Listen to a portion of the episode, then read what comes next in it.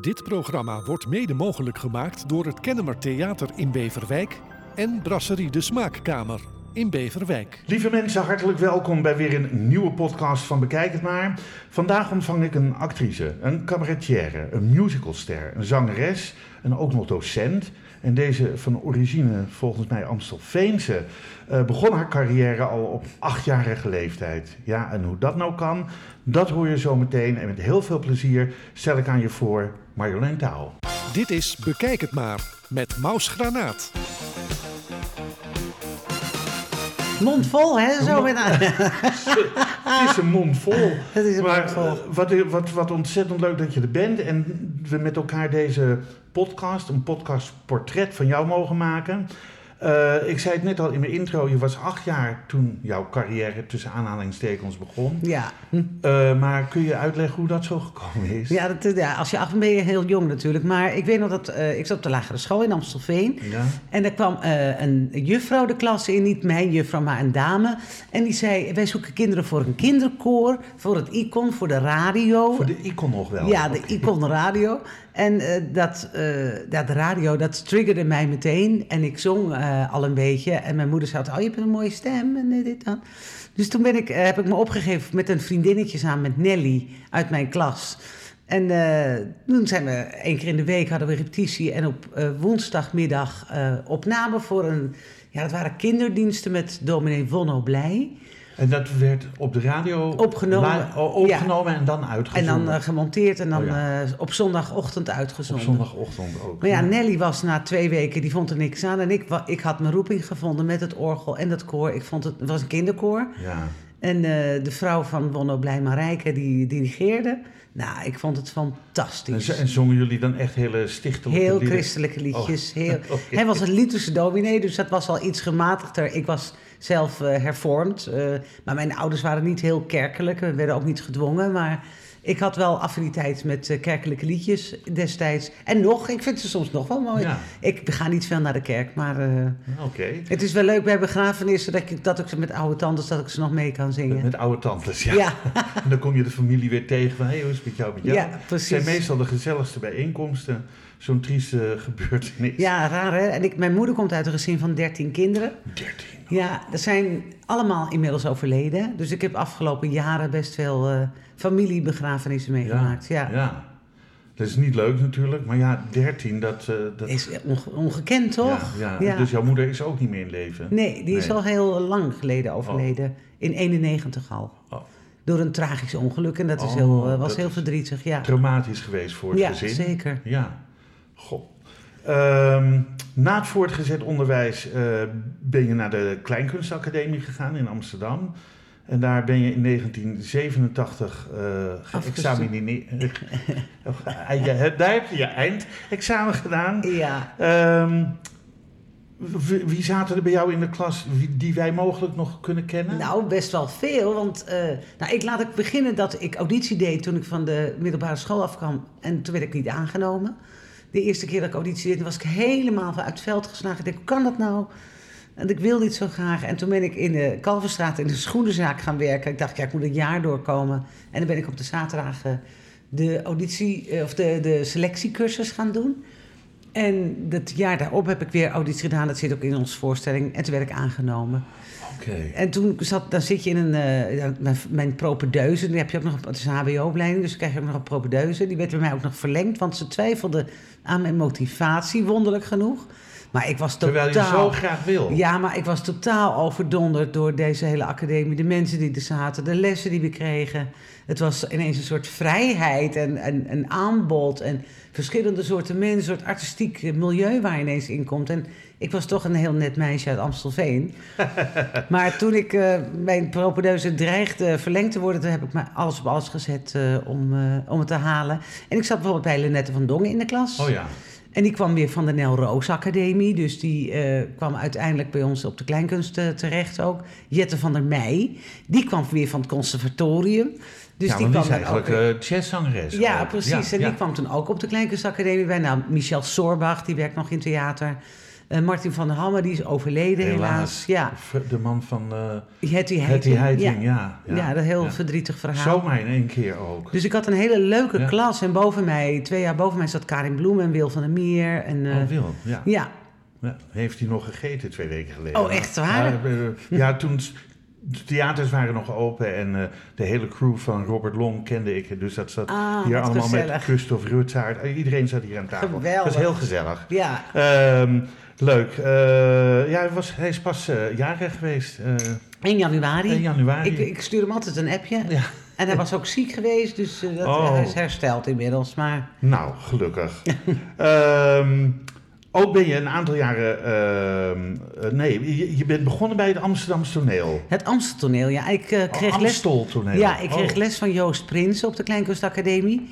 En uh, wij kregen een soort improvisatie- en tekstinterpretatieles van hem. En wij hadden meteen een klik, Joost en ik. En toen zochten ze nieuwe acteurs bij het Amsteltoneel. Dat was vroeger was de artistiek leiding van Rini Blazer. En die ging weg. En toen werd Joost nieuw artistiek leider daar. En die zei, ja, ik wil eigenlijk dat je bij ons komt werken. En ik dacht, jeugdtheater, fantastisch. Wat een goed begin ook. Uh, ja. ja. achteraf denk ik, dat was op dat moment dacht ik, was al helemaal ontzettend blij dat ik werk had. Ja, natuurlijk. En uh, daar ben ik uh, toen in dienst getreden. Maar mijn eerste gesprek was nog met de Rini Blazer op kantoor. En die kende mij niet. Ik ken jou niet, zei ze. Ik ken jou helemaal niet. Ik zei, nee, maar ik ben, kom net van de opleiding af, dus ik heb nog helemaal geen naam. Of, maar goed, daar ben ik gaan werken en daar deden we per jaar drie stukken. Dus om de zoveel tijd was echt een repertoiregezelschap voor Ja. jeugdtheater. En op tournee. Dus we hebben, ik heb daar ontzettend veel uren kunnen maken. Wauw, wat leuk. Ja. Eh, dat was Amstel Toneel. Ehm, een aantal voorstellingen heb je daar gedaan. Daarna stapte je binnen bij het cabaret Klunder en Co. Was Ja. dat Bert Klunder? Ja, Bert Ook Klunder. helaas overleden. Ja. Ja. Ja, ik heb eh, zo lang, along the way gegaan, v- verlies je wel eens mensen in Ja, je ja. werk ook, hè, in je leven. ja. Maar ik kende Bruun Kuit goed. En. Bruun, ja, en die regisseerde toen Bert. ja. En eh Co, was, ook- Co van Diemen was opgestapt, die wilde stoppen. En toen wilde Bert eigenlijk heel graag met een vrouw door. En toen ben ik gevraagd of ik dat eh, leuk vond om te doen. En toen hebben wij een jaar met Veenstra Slaapt nog, heette die voorstelling. Ja, dat heb ik staan. Ja, Co. met het stuk Veenstra slaapt nog. ja en dat was, eh, ging over Veenstra. En, ja, het was Bert in optima forma. Het Ja. was... en het, we hadden wel een raar soort, eh, eh, nou niet een clash, maar wel, ik was ontzettend ambitieus, kwam net van die opleiding. En Bert was natuurlijk een soort altijd negatief, eh, eh, Een beetje... ja, Hans, Hans, zo heet hij, had het zo- Humeurig, humeurig type. Ja. En hij vond mij veel te wild en te druk. Ja. En toen zei hij, je moet rustig doen, zei hij. maar goed, ik heb wel een leuke tijd met hem gehad. Eh, daarna ben je ook een aantal jaren soliste geweest. Ja. Eh, in, in de shows van Karin Bloemen onder Ja. andere. Die zat een groep boven jou, dus begreep ik. Of onder Ja, jou. en eh, Karin belde mij. Die wilde een voorstelling maken. Karin is een ontzettend goede initiatiefnemer. Die gaat altijd door. En die was, wilde toen al soloprogramma's maken met drie meiden. Met Paulette Willemsen en Ellen van Harmelen. Paulette Willemsen van... eh, met, Vuile eh, ja, met of, Saskia, van, Saskia van Zutphen. Ja, Ja, die hebben hartstikke veel succes. Alleen is hun bus laatst gestolen. Ja. Heb je dat meegekregen? Ja, ik heb het, ik heb het eh, eh, ehm, op, op Facebook gezet en toen kreeg ik... Want ik zeg, goh, misschien moet je aan Tijd voor Max vragen of zij Ja. daar een item van kunnen maken. Toen kreeg ik van Martine van Os een appje terug. Eh, of een, een- niet een appje, hoe noem je dat? Een post? Of eh, ze reageerde in ieder geval op, Oh, op, op, eh, ja. op dat Facebook berichtje. Dat ze daar wel oren naar hadden, maar ik heb daar verder niks meer van gehoord. ze hebben maar- volgens mij een crowdfunding actie. ja, is er ook op touw ja, gezet. dus ze hebben gewoon heel, toch geld kunnen bij elkaar kunnen schrapen om weer nieuwe dingen te kopen. ja, dat is toch... Triest, hè? Gebeurt Ja, wel vaker, hè? Dat ja, er gewoon is- heel decor wordt gejat. Ja. Ja, maar ik denk, wat moeten mensen daarmee? die willen die bus, maar die denken niet van eh, er zitten spullen in en die brengen ze naar het grof vuil of die dumpen ze ergens. Maar Ja, ik, ik vind dat wel soms een beetje... eh, Ik word er wel verdrietig van. Als ja, je dat is het ook. is- En zeker omdat iedereen zo hard jouw werkt. spullen en, ja. en, en iedereen in, in, in de cultuursector heeft het moeilijk op het ogenblik. Dat ik denk, moet dat nou? ja, Eh, in 1993, ga, ga eventjes door. de hele cv gaan we door. Ja, de hele, nou ja, de cv. Maar ik, ik, ook om een beetje, beetje inzicht te krijgen in wat je allemaal gedaan hebt. En dat is niet weinig. Eh, Hoeren en Heiligen, dat is gelijk een pakkende titel die je hebt Ja, gekozen. die in, het, in een christelijk dorp in, op, de, op de Veluwe afgeplakt werd. En, en, oh ja, werd het... Ja, dat Dat vonden ze, dan kwam naar theater ook en toen zeiden ze, oh, dat vinden wij niet leuk. Ik zeg, ja, het is gewoon maar een titel, hè. Ik bedoel, eh, maar dat heilige en hoeren vonden ze een te heftige combinatie. En Ja. toen kwam ik het dorp weer rijden met mijn bedje en toen hadden ze hoeren afgeplakt. Oh. En daar moest ik eigenlijk zo ontzettend om lachen. Ik dacht, oh, dat kan helemaal niet in sommige delen van Nederland nog. Ja, dan zit je in de hele Bijbelbelt zit je Ja, te storen. Ja, Precies. met- Het is jaren hoeren. geleden dit, maar ik denk dat het nog gebeurt. Eh, ja, het is 30 jaar terug bijna. Ja. ja. Zo lang al? In 1993. Ongelooflijk. 29 jaar, ja. Ehm, eh, Oké, eh, even kijken hoor, nou ben ik het kwijt. Ja, oh ja, hoe- wat, wat voor voorstelling was Hoer en Heilige? Want ik denk, oh, ik ben wel eigenlijk erg benieuwd naar. Kon ik niet zoveel over vinden. Nee, dat is ook, was ook mijn eerste soloprogramma. Ja, ja. En eh, dat heb ik met Selma Susanna gecreëerd. En zij heeft nu een eigen opleiding, Selma Susanna Academie in Amsterdam. En ik kende haar van de Kleinkunstacademie en ik kon ontzettend goed met haar vinden. En eh, zij haalde eigenlijk de meest eh, leuke, idiote dingen in mij naar boven. Want zij vond alles, nou niet alles, maar ze vond mijn manier van denken heel grappig. En de Hoer en Heilige ging eigenlijk over de heilige in mijn leven. En dat was ook al, ging ook al over de dood van mijn moeder. En, eh, En, en- de- en jouw moeder zie je dan als een heilige in je leven? nou, achteraf wel. Zij heet ook Maria, heel grappig. Ook, ja. Oh. Ja, ja. maar ehm, ja, het ging eigenlijk over. Dat, was mijn eer, dat waren mijn eerste treden op het solo-pad, zeg maar. En ik, ik had. Het was een, een, eigenlijk een programma over vrouwen. Ging het over. eh, ook over hoeren die achter het raam zitten. Eh, maar het was eigenlijk een collage van allemaal types. Oké. En alles wat ik leuk vond, kon ik erin doen. Het ging over liefde. Maar dat gaat eigenlijk elke voorstelling van mij gaat over liefde.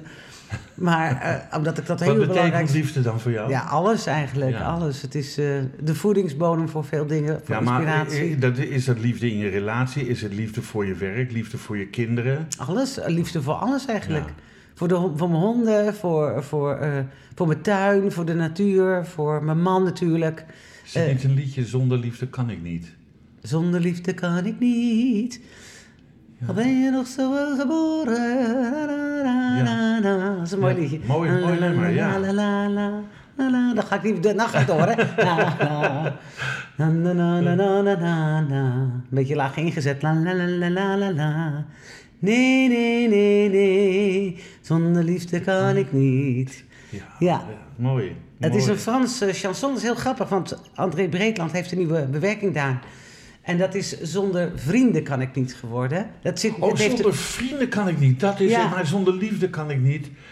Ja, nee, zonder vrienden kan ik niet. Ja, en dat, Dat heeft is eh. André Breedland heeft een prachtige bewerking daarvoor Ja. gemaakt. Maar dat nummer heeft helaas niet de, de voorstelling gehaald met Frans en mij. Ehm, ja, zonde is dat. Ja.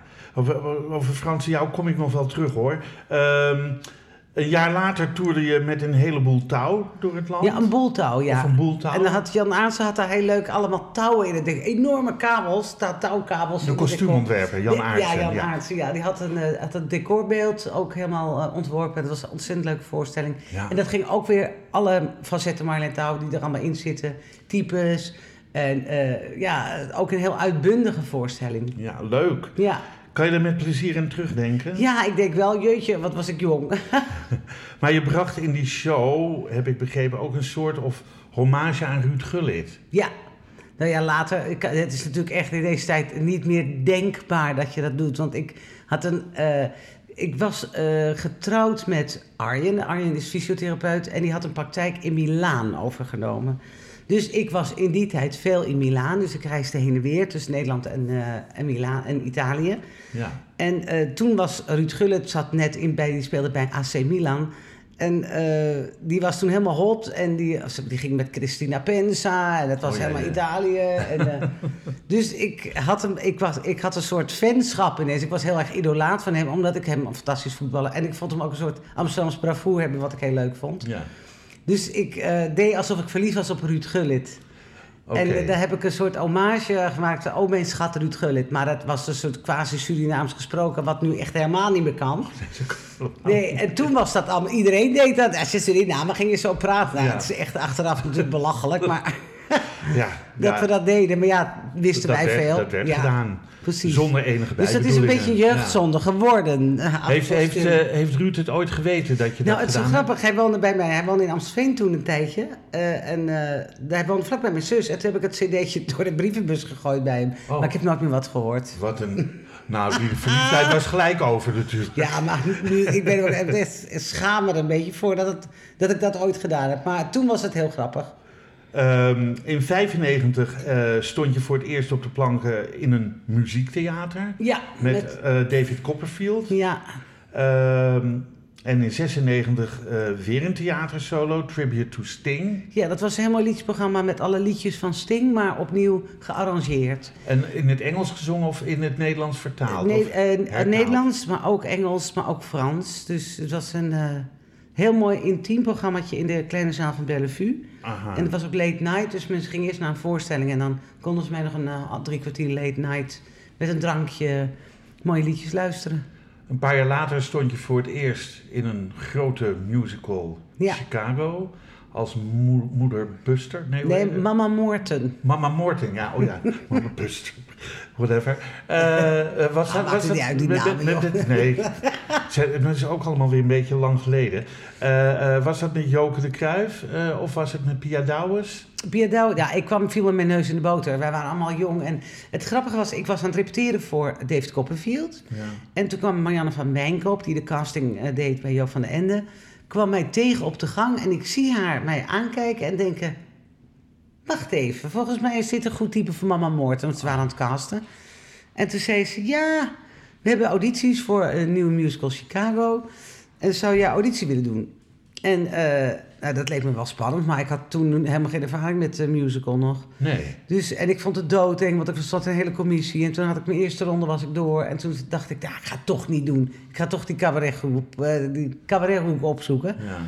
Toen belde ze, ze nou, maar je bent wel favoriet voor de rol, dus kom nou. Ja, eh, lang verhaal kort, ik toch weer gegaan. Was ik door de tweede ronde, heb ik weer afgezegd. Zeg, nou, ik ga het toch niet doen. dus zo is het echt gegaan. Ja. En eh, toen belde ze weer, zegt ze, ben jij gek, je zit in de finals nu en je bent, ze vinden, willen je heel graag hebben. En kom nou toch. En zeg ik, ja, maar ik weet het niet, om ja, die musical. En dan zit ik zeven keer in de week en hard werken, dit en zus. En eh, ik weet helemaal niet of ik het leuk vind. Nou, ben ik, uiteindelijk heeft ze me aan de mijn haren aan, naar die auditie moeten trekken. Want ik wilde Dus echt ze niet. staan nog overeind. Ze staan er nog over. en dat is mijn nieuwe look geworden Oh, toen. kijk eens aan. Ja. En eh, nou, toen uiteindelijk is het, eh, heb ik auditie gedaan. En toen ben ik aangenomen. En de rest is history, zeg ik altijd. Want Ja, ja. Ik, toen rolde ik van de ene productie in de andere, ja. Ja, ik ik kan, kan er nog wel een aantal noemen hoor. Na Chicago speelde je ook. Oh, dat, daar heb ik van genoten. Dat is volgens mij de eerste keer dat ik jou op toneel zag. Dat was een hommage aan Guus Vleugel in Dobbe Dobbe Dobbe. Ja, met, eh, oh, dat was een mooi programma. Heel met Miranda mooi van, Miranda van Kralingen. Ja, en Rob van den Meeberg. Ja. Ja. Ja, Rob, v- ook een fantastisch acteur. Ook een beetje, een beetje onderkend vind ik, want die man die kan zoveel. Ja, Eh, fantastisch. ja. Ik heb nu net weer met hem gewerkt met Als de Kerstman komt. Oh ja, natuurlijk. Ja, daar Ja, hij ik kan altijd in. heel fijn met Rob werken Ja, ook. ja. Ja, we zijn gek op de- hij elkaar. heeft Wim Kang gedaan, hij heeft eh, Johnny Jordaan gedaan, eh, man- Jacques Brel. Jacques Brel gedaan. Ja, geweldig. Ehm, de musical The Wiz, eh, Siske de Radma, Vrijmoed, of Moeder Vrijmoed, was je daarin, heb ik in Carré gezien. Ehm, eh, en- en ook eh, in Den Haag heb ik dat gezien, Mary Poppins. Ja, Eh, de, de, de huishoudster, Andrew, ja. Juf Andrew. ja de, de nanny. De nanny. De nanny ja. from hell. Ja, ja, de nanny from hell, ja. Ja. Niet zo'n aardige nanny. Helemaal niet. Nee. Ik speel veel van dat soort rollen, zoals je kunt Ja, zien. ja, en Mama ja. Moord, allemaal van die hele Maar stevige... Heb je enig idee waarom ze je daar ook casten? Nou, blijkbaar heb ik ook die uitstraling. En ik kan het ook. Ik vind het ook heel leuk om dat soort vrouwen te spelen. En ik, ik speel ze eigenlijk nooit alleen maar eenkleurig. Er zit altijd een, voor mij een, een diepere laag onder. Dus ik probeer binnen die hardheid die ze hebben naar buiten... ook een, st- een zacht stukje te ontdekken. En hoe hard is die hardheid in je dagelijks leven? Nou, nou ik ben super gevoelig. Ja. Dat is dan heel grappig. Ik denk dat ik naar buiten toe wel fierce overkom en sterk. Maar ik, ben ook, ik heb ook een klein hartje. Ja. Dus eh, Dat is de zachtheid. ja, Dat is de het is zachtheid. eigenlijk alle rollen, het transformeer ik zo dat ze eigenlijk allemaal over mij gaan. Eh, je hebt wel eh, ook in, in heel veel tv-programma's eh, gespeeld. Eh, ehm, Je, je was de eerste Annie de Rooij volgens mij, Ja, bij Paul klopt. de Leeuw. Ja, oh, wat een ontzettend grappige tijd. Hij Ja. was dan ook net begonnen. Ja. En hij zocht naast Bob, zocht hij een Annie. En toen zijn we het hele land doorgegaan. Het is ongeleid projectiel was het toen al. En hij is nog iets rustiger geworden. Maar ik ben alle hoeken van de, kant, eh, van de kamer heb ik gezien. eh, Maar hij heeft, hij Annie. heeft later zelf Annie gedaan. Ja, ik geloof dat het meer praktische reden was. Dat hij precies wist wat hij wilde, hoe Annie moest zijn. Met die bromfietshelm natuurlijk op. dat zeg ik. heb En, een ja. Zoiets. en het is natuurlijk een ontzettend goede fonds dat Ja. hij en Bob en Annie speelde. Ja, Hartstikke leuk. Het was, eh, was een geweldig fonds, heeft hij jaren gedaan. Ja. Het heeft hem ook jaren achtervolgd als een soort van zwiebertjes-effect. Ja, Want... eh, Bob Porster, hij kon nergens meer komen. Nee, nee. Hallo Boppers. Ja, het was, en het was ook een algemene uitdrukking. En Ja. volgens mij staat het zelfs Boppers in de, in de dikke vandalen. Maar, Het zou kunnen. Ja, en hij heeft volgens mij nog een BV die Bopper BV heet ook. oh, ik dacht vlieg... eh, vlieg eh, Vlieg met me mee. nee, En nee. ik heb ook nog eh, eh, dat, eh, Vlieg eruit. Brom, vlie, br- bromvlie- Nou ja, weet het niet meer. op, op al zijn cd's staat namelijk een, een bromvlieg. Of- Oh, of- Eh, maar goed, misschien is, heeft dat met brommerpech te maken. Nou, ik weet het ook en niet. hij, zijn eerste cd, eh, waar Vlieg met me mee, waar de regenboog ook op staat, dat heb ik met Paulette en Ellen en ik hebben koortjes gezongen daar. Oh, leuk. Dus ik hoor mezelf nog wel eens terug als, als die oude... Op de radio, Ja, als we een nummertje van hem laten horen. hij was ontzettend leuk. Ja, dat is, eh, ehm, oh ja, wat, wat had je nog meer gedaan? Heel, heel veel hoor. Eh, Hallo Kobe, in Kobe en Co. Ja. Was jij Kobe? Ehm, eh, bruin eh, goud. Ja, dat was een prachtige serie van de NTR. Of ja, het heette toen niet NTR, maar met Jonne Severijn als regisseur. En ik zat toen bij IDTV onder Ja. management. En die produceerde die serie. En ik was één aflevering, ging het De Stille Knijpen heet het. Je kunt het volgens mij nog wel terugvinden ergens. En daar speelde ik Riet en ik was een soort waarzegster. En het ging over de veenkoloniën in de 18e eeuw in, eh, in Nederland. En het was ongelooflijk armoei. Maar prachtige serie, mooi op film gedraaid. Echt een geweldige ervaring. Zonnetje in huis heb je Ja, gedaan. daar heb ik echt, was ik heel blij mee. Met Johnny Kruikamp, Ja. allebei, de, de, de junior en de senior En nog. Martine. En Martine. waar- ja, en daar zijn, wij waren al bevriend eh, daarvoor. En eh, toen is ons vriendschap heel hecht geworden ook. Oké. Ik dus mis haar nog heel veel. dat, dat kan ik me voorstellen. Ja, Nog wel contact met Berend Boudewijn? zeker. Ja? Ja, die Ja. bel ik af en toe of het goed gaat. Of, ja. eh, Die is ook 86, denk ik. Ja, en die is zo ongelooflijk eh, fris en bij de tijd en alert. En hij kan zulke goede gesprekken over het vak met hem voeren. Ja, dat geloof ik. Hij heeft zoveel Hij is inzicht. een goede regisseur geweest. Ook fantastisch. Goede programmamaker geweest. Ja. hij regisseert nog wel? Ja, just, Oké. eh, hoe heet het? Diederik van Vleuten dus was hier weer mee bezig. Oké. Voorstelling, Ja. ja. Nou, en hij zal Martine natuurlijk ook eh enorm Oh, ja. missen. In Baantje heb je gespeeld. Ja, het lijkt een baantje. Het lijkt, ja, iedereen vocht om een lijk te zijn in Baantje, lijkt wel. Eh, kinderen geen bezwaar. Ja, daar heb ik, had ik een gastrol. Ja, ik vind comedy ontzettend leuk om te spelen. Want ik heb nu ook Kees en Co weer met Simone had ik Oh, weer ja. een gastrol. Ja, En ik dacht, oh, ik wil zo graag... in de nieuwe Kees Co. Ja, ja, ja. De laatste. Met Chantal. Ja, en die was toen ook alweer weg. Dit was met, Nina, of met eh, Tina de Bruin.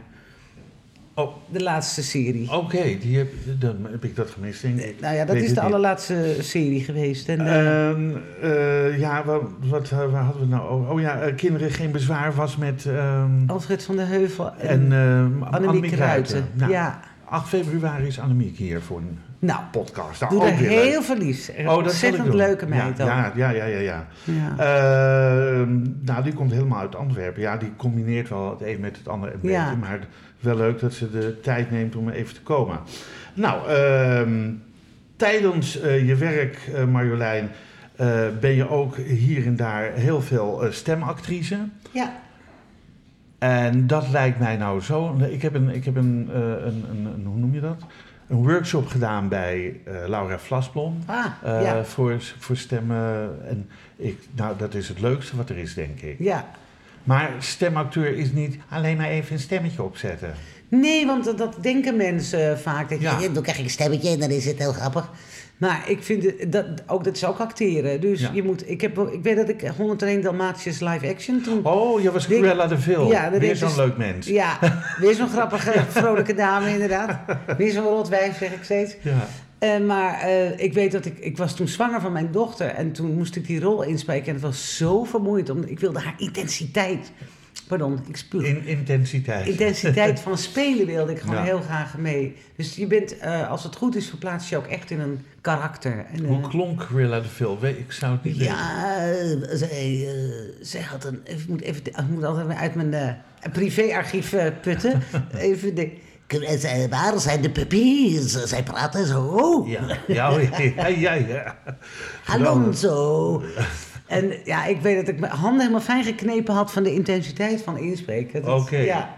Maar ik heb ook series gedaan. Ik heb ook geregisseerd. Ik heb bijna drie jaar bij Metasound heette dat toen. Het heette daarna Cinemeta. Het heet nu steeds Cinemeta, geloof ik nu. En die deden alle Disney films en series. En een toptijd met geweldige acteurs gewerkt. Ja. Oh, leuk. Le- Ja. Dat zijn de leuke dingen. Finding Nemo heb je ook gedaan. Ja, en mijn dochter heeft daar ook een... En die is, ik ben dus, eh, de zeester in het aquarium van de tandarts. Oh, Eh, Sterre heet zij. En mijn dochter die was heel klein. En die speelde een heel klein inktvisje. En die sliste heel erg. Maar dat was zo grappig voor de rol. oh oké. En, En, eh, de flits is nu over? Is, nee, sliste, ze heeft een beugel gehad. En ze is inmiddels 25. Oké. En eh, volwassen vrouw. Maar eh, ze- Doet ze ook wat in dit vak? Nee, zij werkt als podcast producer. Ze heeft school voor journalistiek gedaan. Oké. Dus ze is journalist eigenlijk. En zij werkt bij het NRC in Amsterdam. En eh, daar is, heeft ze net een, net een vast contract gekregen. Dus dat is hartstikke stoer van Ja, haar. En daarnaast heeft ze ook nog een eigen bedrijf met podcast maken. Listen and Learn over En- studieboeken. En Oh, hele ondernemende... Listen and learn, oké. Ja. Ja, je, je, ze maken tegenwoordig over heel veel onderwerpen podcasts. Ja. Ik doe dat namelijk over kunst en cultuur. Dat is heel leuk. Maar ik vind podcast zo'n leuk medium. Ja, het is je- het ook. Ja, Want je kan als je, als je gaat eh, wandelen, kan je een podcast opzetten. Als je staat af te wassen of staat te strijken. ja of- precies. want dat is wat ik wel terughoor van mensen. Oh ja, nee hoor, altijd als ik de was sta te doen, dan heb ik jou op mijn oor. Nou, ik heb nu ook, eh, omdat, ook omdat mijn dochter daar werkt, dus die hebben een dagelijkse podcast bij het NRC. En die zet ik gewoon even 's ochtends op als ik zit koffie te drinken. Ja, Normaal las ik de krant dan eerder. en dan heb eh, je het nieuws er even gehoord. Ja, dan laat ik het podcast, podcast even langslopen. En ik, vind, ik ben heel auditief ingesteld, dus ik vond radio vroeger ook al geweldig. Ja. En eh, mijn man is helemaal Radio 1 fan, dus bij ons staan de nieuwsrubrieken de hele dag op.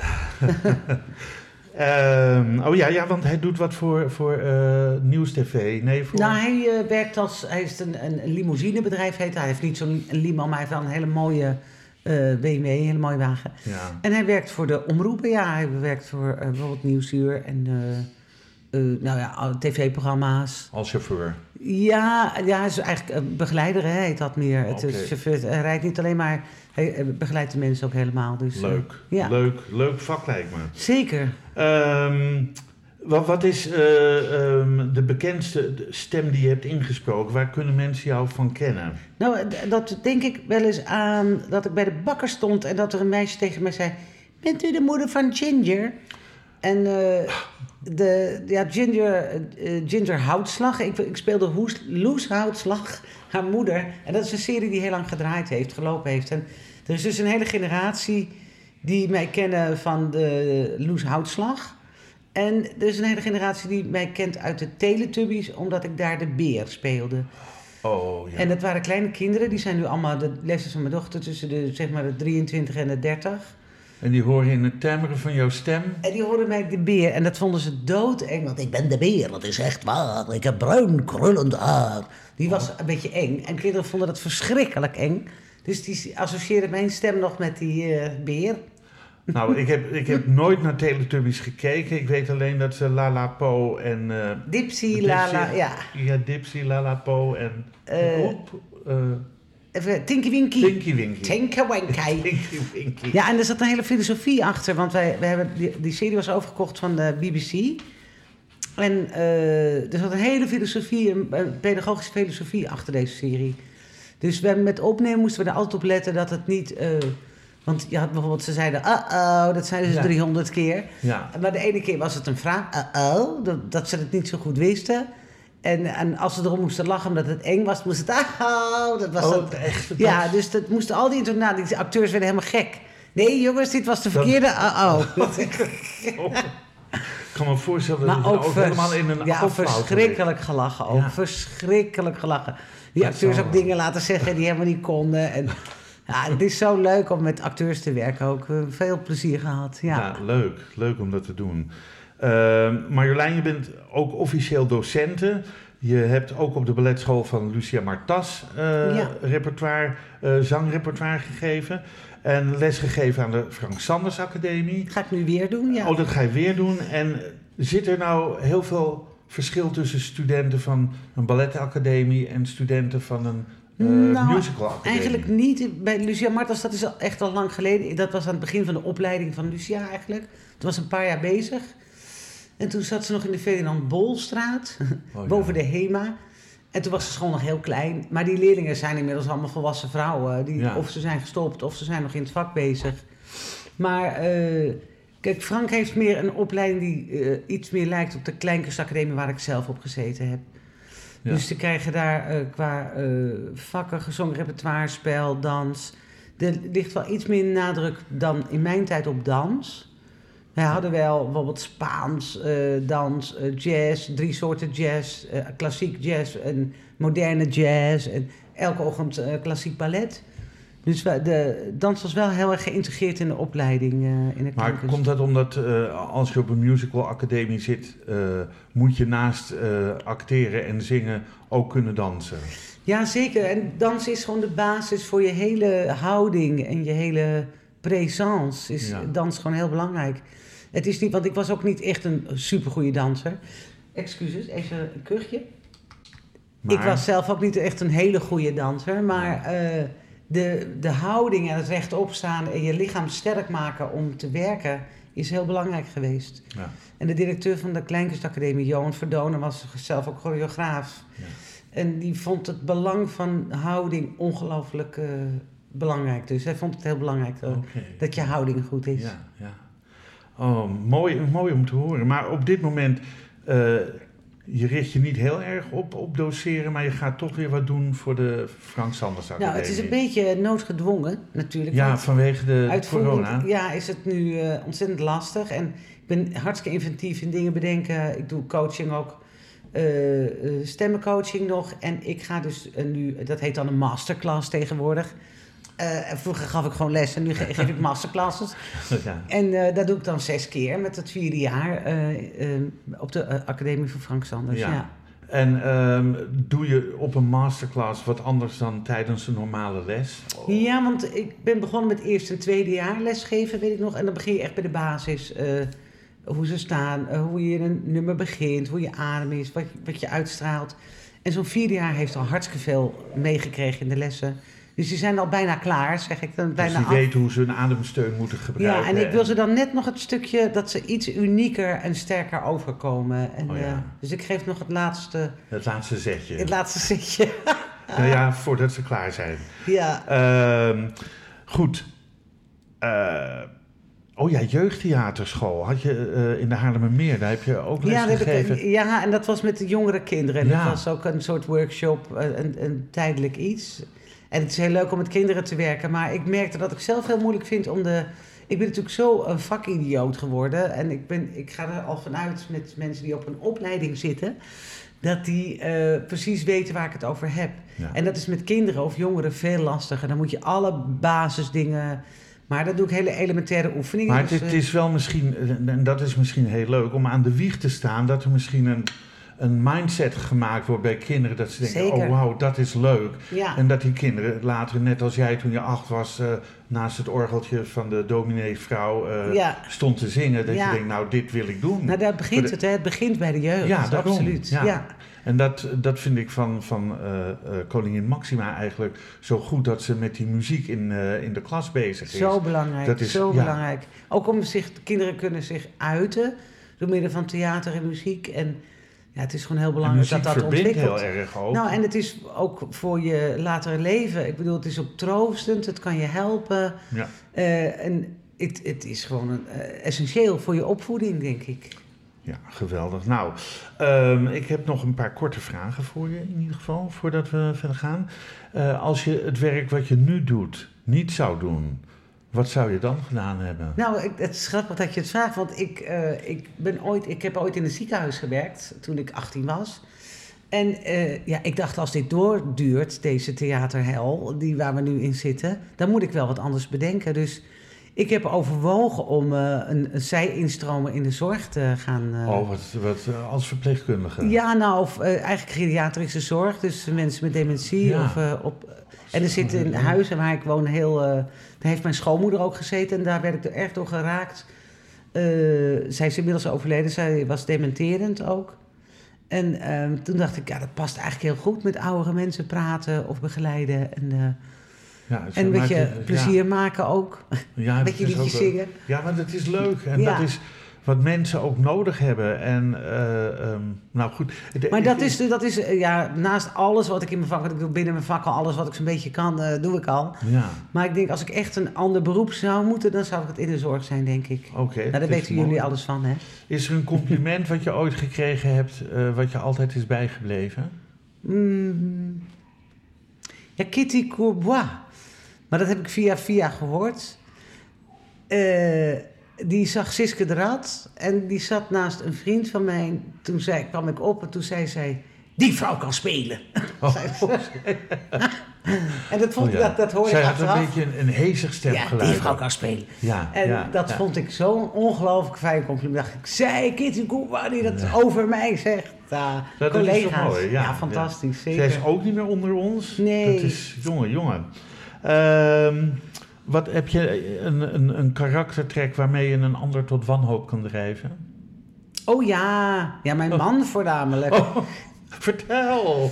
Rommel. Ja, ik, Oh. ik heb natuurlijk heel veel met Simone Kleinsma gespeeld. En wij deelden ook wel kleedkamers. En, Oh ja, Annie M. G. Schmid of Ja, eh, en- Annie M. G. heb je... ja, en ook met Chicago waar we het over... ja. Toen viel ik met mijn neus in de boot omdat Stanley, eh, Pia, eh, Simone zaten er allemaal in. Fantastische tijd. Maar ik ben een enorme rommelkont. Eh, chao- Chaos omheen en rommelig. En ik heb mijn man ook, die is heel geordend thuis en heel netjes. En eh, ik doe mijn best, zeg ik steeds. Het is niet dat ik troep maak, want mijn huis is wel opgeruimd. Maar ik ben altijd alles kwijt. En ik denk, ik, ik zeg dat ligt aan de overgang, zeg ik steeds tegen. Maar doe nu wel heel lang die overgang. dat, dat roep je vanaf je 22ste al. Ja, dat, nee, toen was ik me nog niet zo bewust dat er een overgang was. Toen Oh. is het wel verergerd. Maar Ja, ik, mijn autosleutels, die kom ik binnen en dan ben ik binnen vijf minuten denk ik, waar zijn die auto's? Maar we hebben een kastje voor de sleutels en een plankje voor de dit. En, maar ja, Ja. ik zie mijn dochter en die heeft precies hetzelfde. Dus het zit een beetje in de genen volgens mij. Had jou in jouw familie ook al mensen die dat, die dat hadden, die altijd van alles kwijt waren? De- Ja, nou, ik kom uit een heel chaotisch gezin. Volgens mij hadden wij allemaal een, een, een tak van ADHD thuis. Want we hadden, waren met vijf kinderen. En het was zo ongelooflijk druk, ons gezin. En veel en heftig. En, dus en, ik, eh, en al jouw broers, broers en zusters? ja, eh, twee broers en twee zussen.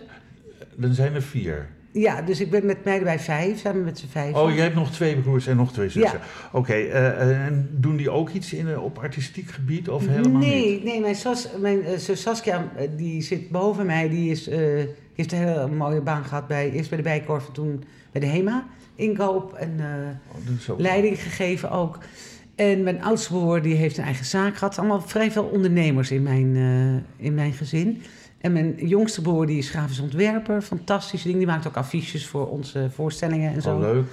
Heel erg leuk. En mijn En andere onze zus... voorstelling bedoel je dan eh, van... Met Frans van- en ja, Frans Mulder. Die Ja, we ja, nog moeten ja. gaan spelen Ja, in januari. ja. Maar waarvan wij denken dat het ook weer niet doorgaat. Omdat de Ja. lockdown waarschijnlijk weer verlengd wordt tot het Ja. einde deze maand. Oh, en ik hoop echt op positief nieuws volgende week, maar Ja, wij ook.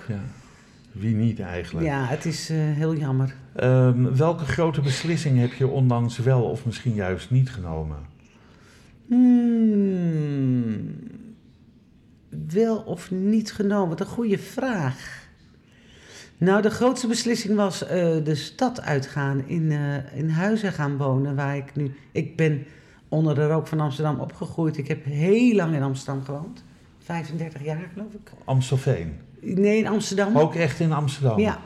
En eh, ik was zo verknocht aan Amsterdam. En ben ik nog hoor. En mijn man is een Amsterdammer. Die is geboren bij, de, bij het Vondel, eh, Vondelpark in de buurt. En die wil daar dan nooit meer. Die praat ook echt nog Amsterdams. Die praat zo. Ja, het, het is, ik heb een heel groot deel eruit gekregen. Maar ja, ik ging onder zijn... eh, toen ik met hem omging, ging ik ook steeds praten praten. Vandaar dat ik al die Tante Leen kan ik heel goed spelen. Want het zit verdwenen natuur geworden. Maar dat is heel grappig. Maar eh, dat, ik vond de, de stad uitgaan een enorme stap. En ik weet dat ik woon in huis en dat is een prachtig dorp. Maar het is een dorp. Het is een dorp. En daar moest ik heel erg aan wennen. En eh, nu ben ik geaard daar. En eh, dat heeft wel, nou, ik woon er nu acht jaar of zo. Nu heb ik wel, maar ik blijf, gisteren was ik weer in Amsterdam, denk ik, het blijft altijd trekken. Ja. Zit altijd Maar ook nog hart. om te wonen. Nou, eh, mijn man zei namelijk, eh, als, je er, als je er terugkomt, dan denk je, oh, wat heerlijk om even in de stad te zijn. En dan ben je ook weer heel blij als je naar huis rijdt. Ja. En dat is wel En aan dat de heb hand. jij ook wel een beetje? Ja, dat, dat heb ik gekregen. Want ik, als ik in die stad ben, ik vind het heerlijk. Even lekker. Al, ja, het is nu natuurlijk stil met de lockdown. Maar Ja. Eh, ik vind de impuls en alle leuke mensen en de diversiteit heel erg leuk. Maar dan rijd ik naar huis en dan rijd ik langs de hei naar huis. En denk ik, oh, dan kom ik helemaal tot rust weer. Ja. Ehm, Dus ik heb ook wel een beetje de leeftijd om iets rustiger te gaan wonen. Maar ik zeg, als ik echt ouder ben, wil ik eigenlijk wel weer terug naar de rand van de dat stad. wil je niet meer. Nee? Nee. Dat weet je uit ervaring? Dat- ja, ik ben een geboren en getogen Amsterdammer. Ja. Ik woon hier nu 30 jaar. Heerlijk als ik in Amsterdam kom en zalig als ik weer thuis ben. Maar heb jij nooit eh, gehad, toen je hier net woonde, dat ik dacht, oh, misschien wil ik wel weer terug? Ehm, ik heb wel heel vaak gezegd, als ik een mooi gerenoveerd pand op de Overtoom kan kopen, Ja. vlakbij, dat kan ik nu helemaal niet meer zeggen, want ik praat nu over 30 jaar terug. Eh, toen kon dat nog. Eh, en nu denk ik, had ik het maar gedaan, want dan had je je pensioen binnen. Zeg maar. Want, Zo, eh, zeg, het- nou, ja, had je- het is was niet je- Maar nee, ik hoef, ik hoef niet meer terug. Maar ik vind het heerlijk als ik naar de Lamar ga of naar Carré ga. Of, eh, Ja. En dan, door de, want dan loop ik altijd van het Centraal Station eh, over het Spui, over het Damrak, eh, naar de Munt, door de Reguliersbreestraat. Ik vind het fantastisch. Het is zo Heerlijk. grappig dat de mensen die Amsterdammer zijn, eh, ik ken er veel, die geboren getogen, Harry Slinger ook, die wonen allemaal net bij, of buiten de stad. Of, eh, en die vinden dat prima.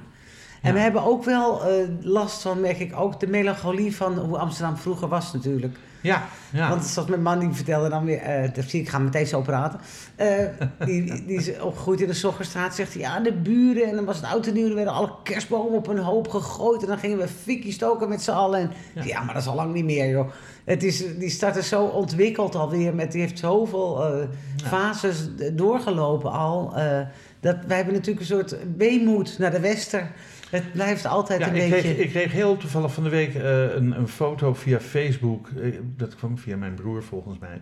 eh, van de oude Reguliersbreestraat. Met de munttoren in het zicht. En dan zie je aan de rechterkant nog Lulap. De Ja. snackbar van Ruud Krol. Ja. En de Signac die er ook al niet meer is. Nou, dat soort dingen. En dat, dat ik denk, ja, aan de overkant had je altijd kwekkenboom voor een kroketje. Maar die zit er ook al niet meer. Nee. En toen ik daar liep in de, in de, in de reguliersbree en ik zag op het pand van eh Kwekkenboom een plakkaat hangen. Wegens de exorbitante huurverhogingen is het voor ons niet meer haalbaar Ja. om de zaak voor te zetten. En dat is nou, het, dat hè? vind ik dan wel heel triest, Marjolein. Dat, Ja, eh, maar die hele, het is begonnen met de staatsliedenbuurt die eh, gerenoveerd en platgegooid, waar Ja. Danny de Munk geboren is eigenlijk. ja. Oh ja, dat is de, de Spaarndammerbuurt. Ja, Spaarndammerbuurt. Ja. Nou ja, dat is allemaal onbetaalbaar. Dus wat krijg je mensen die in Amsterdam zijn? Eerst naar Purmerend, Zaandam, Almere, Lelystad, Ja, huizen. Huizen. nou, er wonen veel Amsterdammers in Ja, Huizen. dat, dat zal, ja. Ja. ja. maar Purmerend is ook bijna Amsterdam. eh, ja, dat is nog Amsterdammer dan Amsterdam. nogal. Ja, dat is echt, als je daarop, dat, dan praat iedereen nog zo voor je luisteren. Het Ja, heel geestig.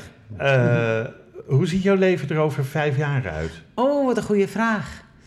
Ja, ik wil echt heel graag, ik wil zolang het kan blijven werken.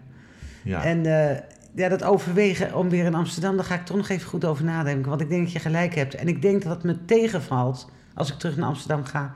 Om dan heb ik een beeld van hoe ik was toen ik wegging. En dan ben ik inmiddels eh 15 jaar verder en is het toch weer anders dan je denkt. Weet je, ik vergelijk het altijd met... Vroeger vond ik zoet, zoet hout zo lekker. Zo'n pluim eraan zuigen, Ja. zo'n stuk hout. Zo'n klodder in je Eh, ja. En, en toen zag ik het ergens liggen. Ik denk, oh, dat gaat komen. En ik vond het toch goor. Ja, Dat is, dat is een stukje nostalgie wat je ja. vast mag en dat, houden. daar heb ik wel last van hoor. Ja, Ik ben ja. heel nostalgisch, sentimenteel ook. Ik kan soms enorm verdrietig zijn om dingen die voorbij zijn. Ja, En ik kan mijn ouders, heb ik, sta ik op en heb ik gedacht dat ik mijn ouders heel erg mis. Terwijl Oh ik ben al jaren zonder zijn. Ik heb zelf al een gezin, maar Dus ik, er hangt wel een melancholie in mijn eh, systeem. Ja, maar dat, dat, die, hou die melancholie, geniet daarvan. Wees er af en toe verdrietig om, maar blijf lekker in huizen wonen. Ja, dat zal, ik, zal je, ik zal je raad overnemen. Oké. Ehm, eh, is er een bepaalde kunstvorm die jou het meest raakt? Nou, eh, ik hou heel erg van live muziek. Ik ga veel naar concerten zelf. Eh, en dans. Ik vind dans fantastisch ook. En is het dan klassiek ballet of is het moderne dans? Maakt helemaal niet uit. Nee. Ik vind uh, moderne dans eigenlijk nog mooier, omdat het veel meer vanuit het impuls uh, ontstaat. Maar ik kan ontzettend van balletvoorstellingen, klassieke balletvoorstellingen genieten. Ik, vind, ik hou ontzettend van musea. Dus beeldende kunst vind ik heel erg mooi. Dat laat me graag inspireren. Oké, okay, ja. Ja. Nou, um, En theater natuurlijk. Morgen uh, word je wakker en dan zit je in het torentje van Mark Rutte. En ben jij voor één dag minister-president van Nederland en mag je één ding in Nederland veranderen? Wat zou jij veranderen? Dat is een onmogelijke taak op het ogenblik. Er moet op zoveel fronten wat gebeuren. Ja. Ja, het is een heel erg lastige tijd waar we in zitten natuurlijk. Ik, bedoel, ik denk dat iedereen uh, kracht naar kruis en iedereen doet wat hij moet doen. Maar het is natuurlijk wel... Nou, ik zou echt cultuur willen redden. Echt. Ja, ja. Angela Merkel heeft zulke mooie dingen over cultuur gezegd. Absoluut, ja.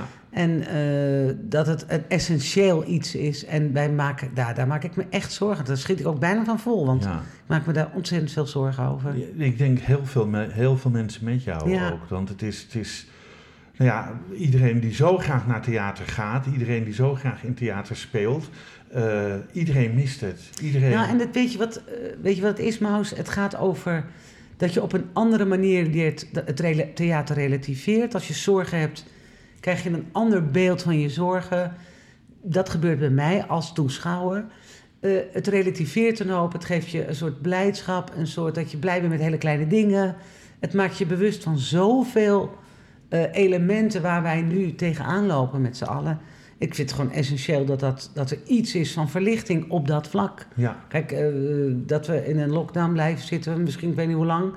Of dat we met het eh, virus te maken hebben, dat zal misschien nog altijd blijven. Dat weet ik niet. Maar ja, dat kan net, een, net als een griepvirus worden. ja, Dat mensen jaarlijks hun, eh, hun coronaprikje Ja, krijgen in plaats van de griepinjectie. dat hoop Dat- ik dan maar. Maar ondertussen is dan, ben ik zo bang dat er zijn hele generaties nu, die ook van scholen afkomen. Ja, Die hebben helemaal geen perspectief meer op Nee. een theatervoorstelling of techniek. Mensen zijn allemaal omgeschoold. Ze zijn allemaal ander werk gaan doen. Dus alle know-how is al uit onze vingers aan het glippen. ja, dat klopt. En dat, je helemaal, eh, helemaal dat, vind ik eigenlijk heel, dat vind ik het ergste eigenlijk. Ja. Ja. Goh, dit hameren we niet zomaar af hoor.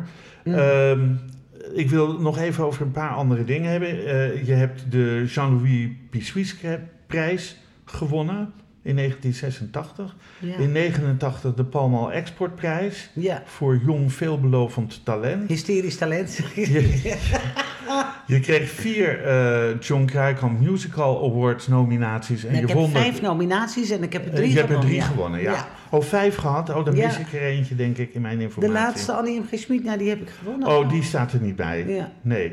Eh, maar, maar voor, voor Maan Vrijmoed en eh, heb je een, een, een Ja, voor gewonnen? Siske de Rad. Siske de voor, Rad. eh, voor ben ik toch de tweede kwijt. In ieder geval Annie M. G. Schmid. Ja, wat was die andere nou? Oh, zie je wel. Ik ben gewoon vergeten waar die andere... Moet ik even allemaal... Oh, oh, moet ik even kijken Oh, voor ja. je? Eh, de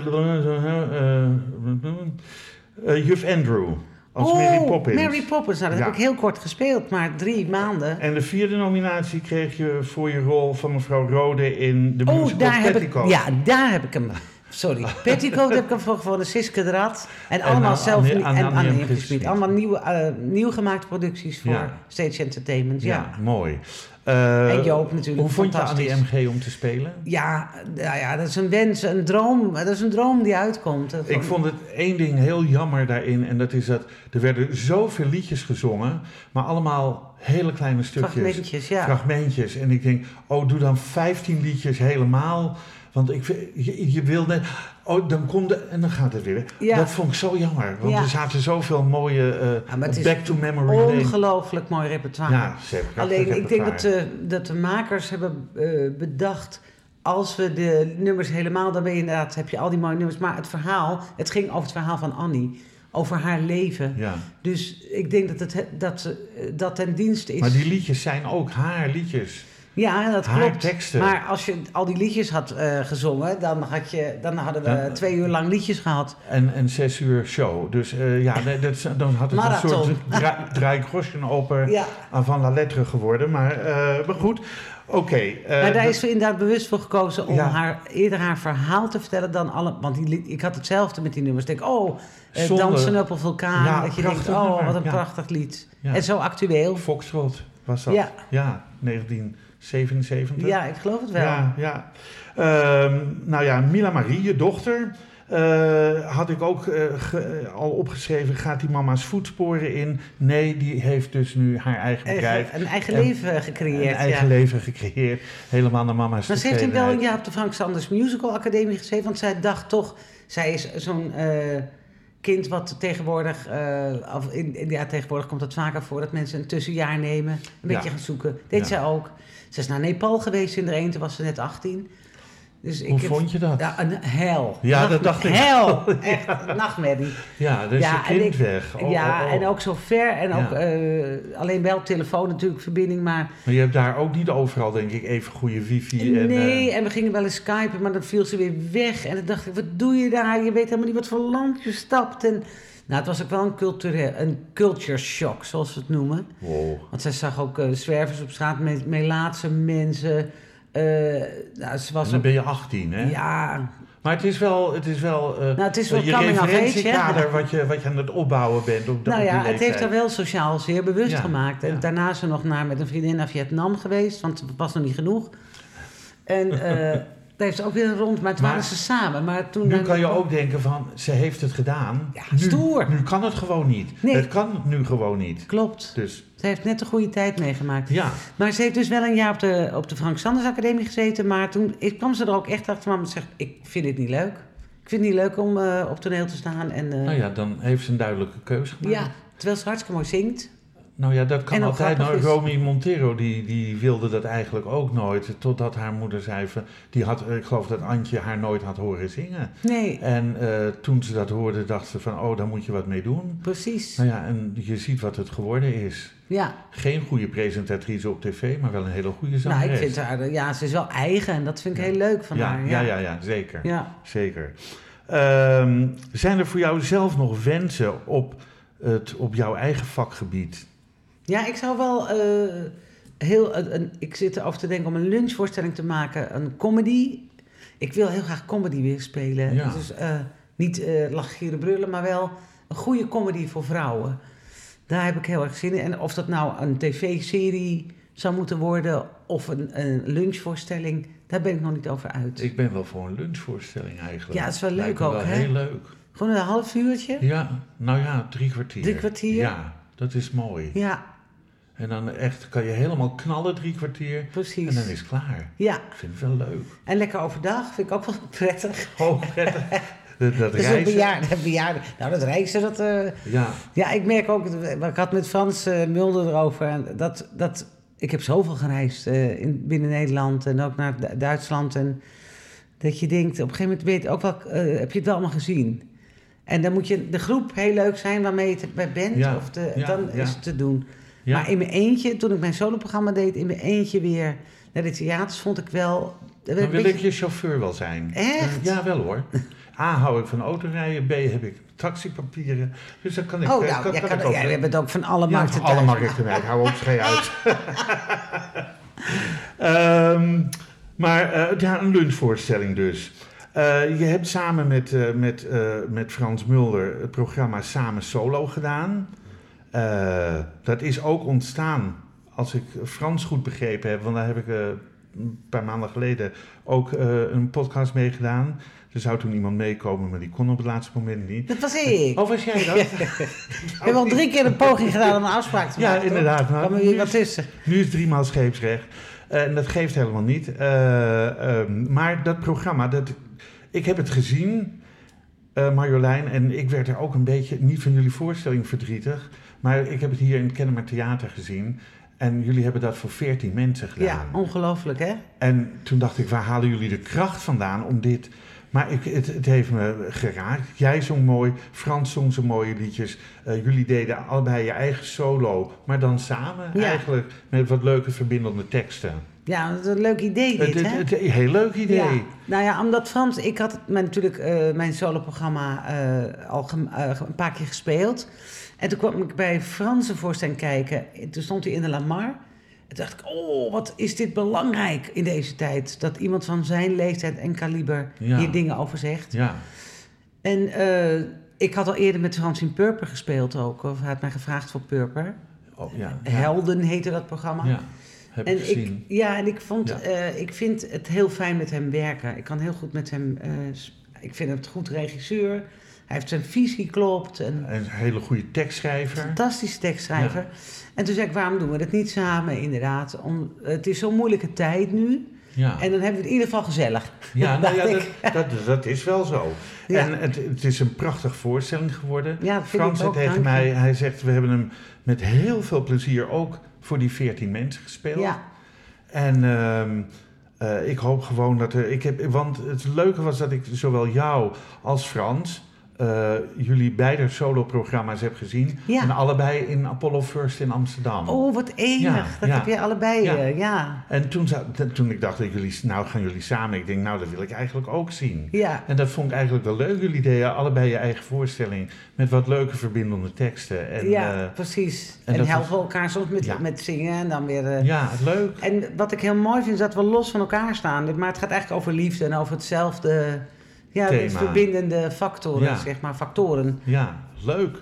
Ehm, Nou, ik vind het heel leuk dat je bent komen kijken. Dat Ja. jij een van de veertien was. Dankjewel, man. man want het is... Het was Ja. een hele rare tijd. Ik ook, ga want- zo graag naar Theater Marjolein en ik snap zo dat je je zorgen maakt. En eh, ik, ik kan het alleen maar, alleen maar eh, beamen en toejuichen. En iedereen, voor iedereen hopen dat die deuren snel weer open gaan. Ik ook, Dat ja, hoop ik zeker.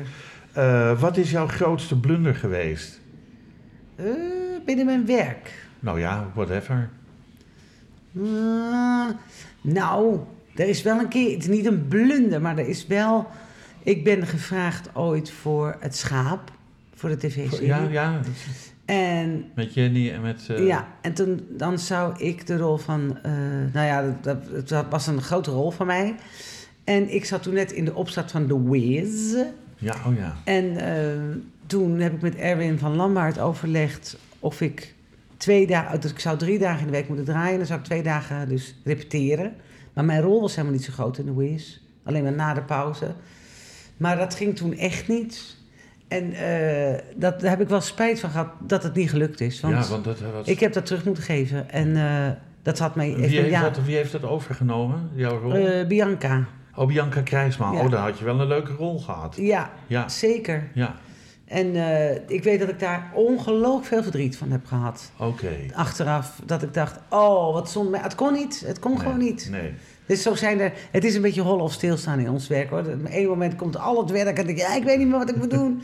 En dan is het weer doodstil. Dat je denkt, oké. Heb jij eh, voor alle jonge mensen die hier naar luisteren een advies voor als ze dit vak willen gaan beoefenen, wat ze het beste kunnen doen? Oh, nou ja, heb altijd een plan B. heb ik nu ervaren. Ja, ja, dat is dat mag Dat is een beetje, dat ja, vond ik ja. eigenlijk altijd vroeger heel stom. Maar het is, je moet met je creativiteit ook iets anders doen dan uitvoerend. Want stel dat we wel ooit weer in zo'n situatie komen. Het is het niet waard om dan in een depressie te raken. Of te denken, ik Nee. kan niks, ik kan niks. Nee. Dus je moet altijd doorgaan eh, met waar je hart ligt. En eh, ik, ik vind het niet makkelijk voor jonge mensen op dit moment om, eh, om dit vak te, uit te oefenen. Nee. Maar ik denk dat ze creatief genoeg zijn om daar eh, manieren op te vinden om toch iets te doen wat binnen hun vakgebied ligt. Dan wil ik jou, rest mij jou te bedanken voor je komst. Ik wil je heel veel succes wensen samen met Frans. Ik hoop dat jullie dit nog kunnen gaan doen als de deuren weer open gaan. En ik hoop je heel ja. snel in andere producties of gewoon hier op de koffie weer tegen te komen. Dankjewel, Maus. Dank voor de invitatie. Hè? Ja, heel graag gedaan. Deze podcast wordt uitgegeven door de Vrijstaat Roots. Alles is na te lezen op www.bekijkhetmaar.com. Bedankt voor het luisteren en wat mij betreft graag tot de volgende podcast. Dit programma werd mede mogelijk gemaakt door het Kennemer Theater in Beverwijk en Brasserie de Smaakkamer in Beverwijk.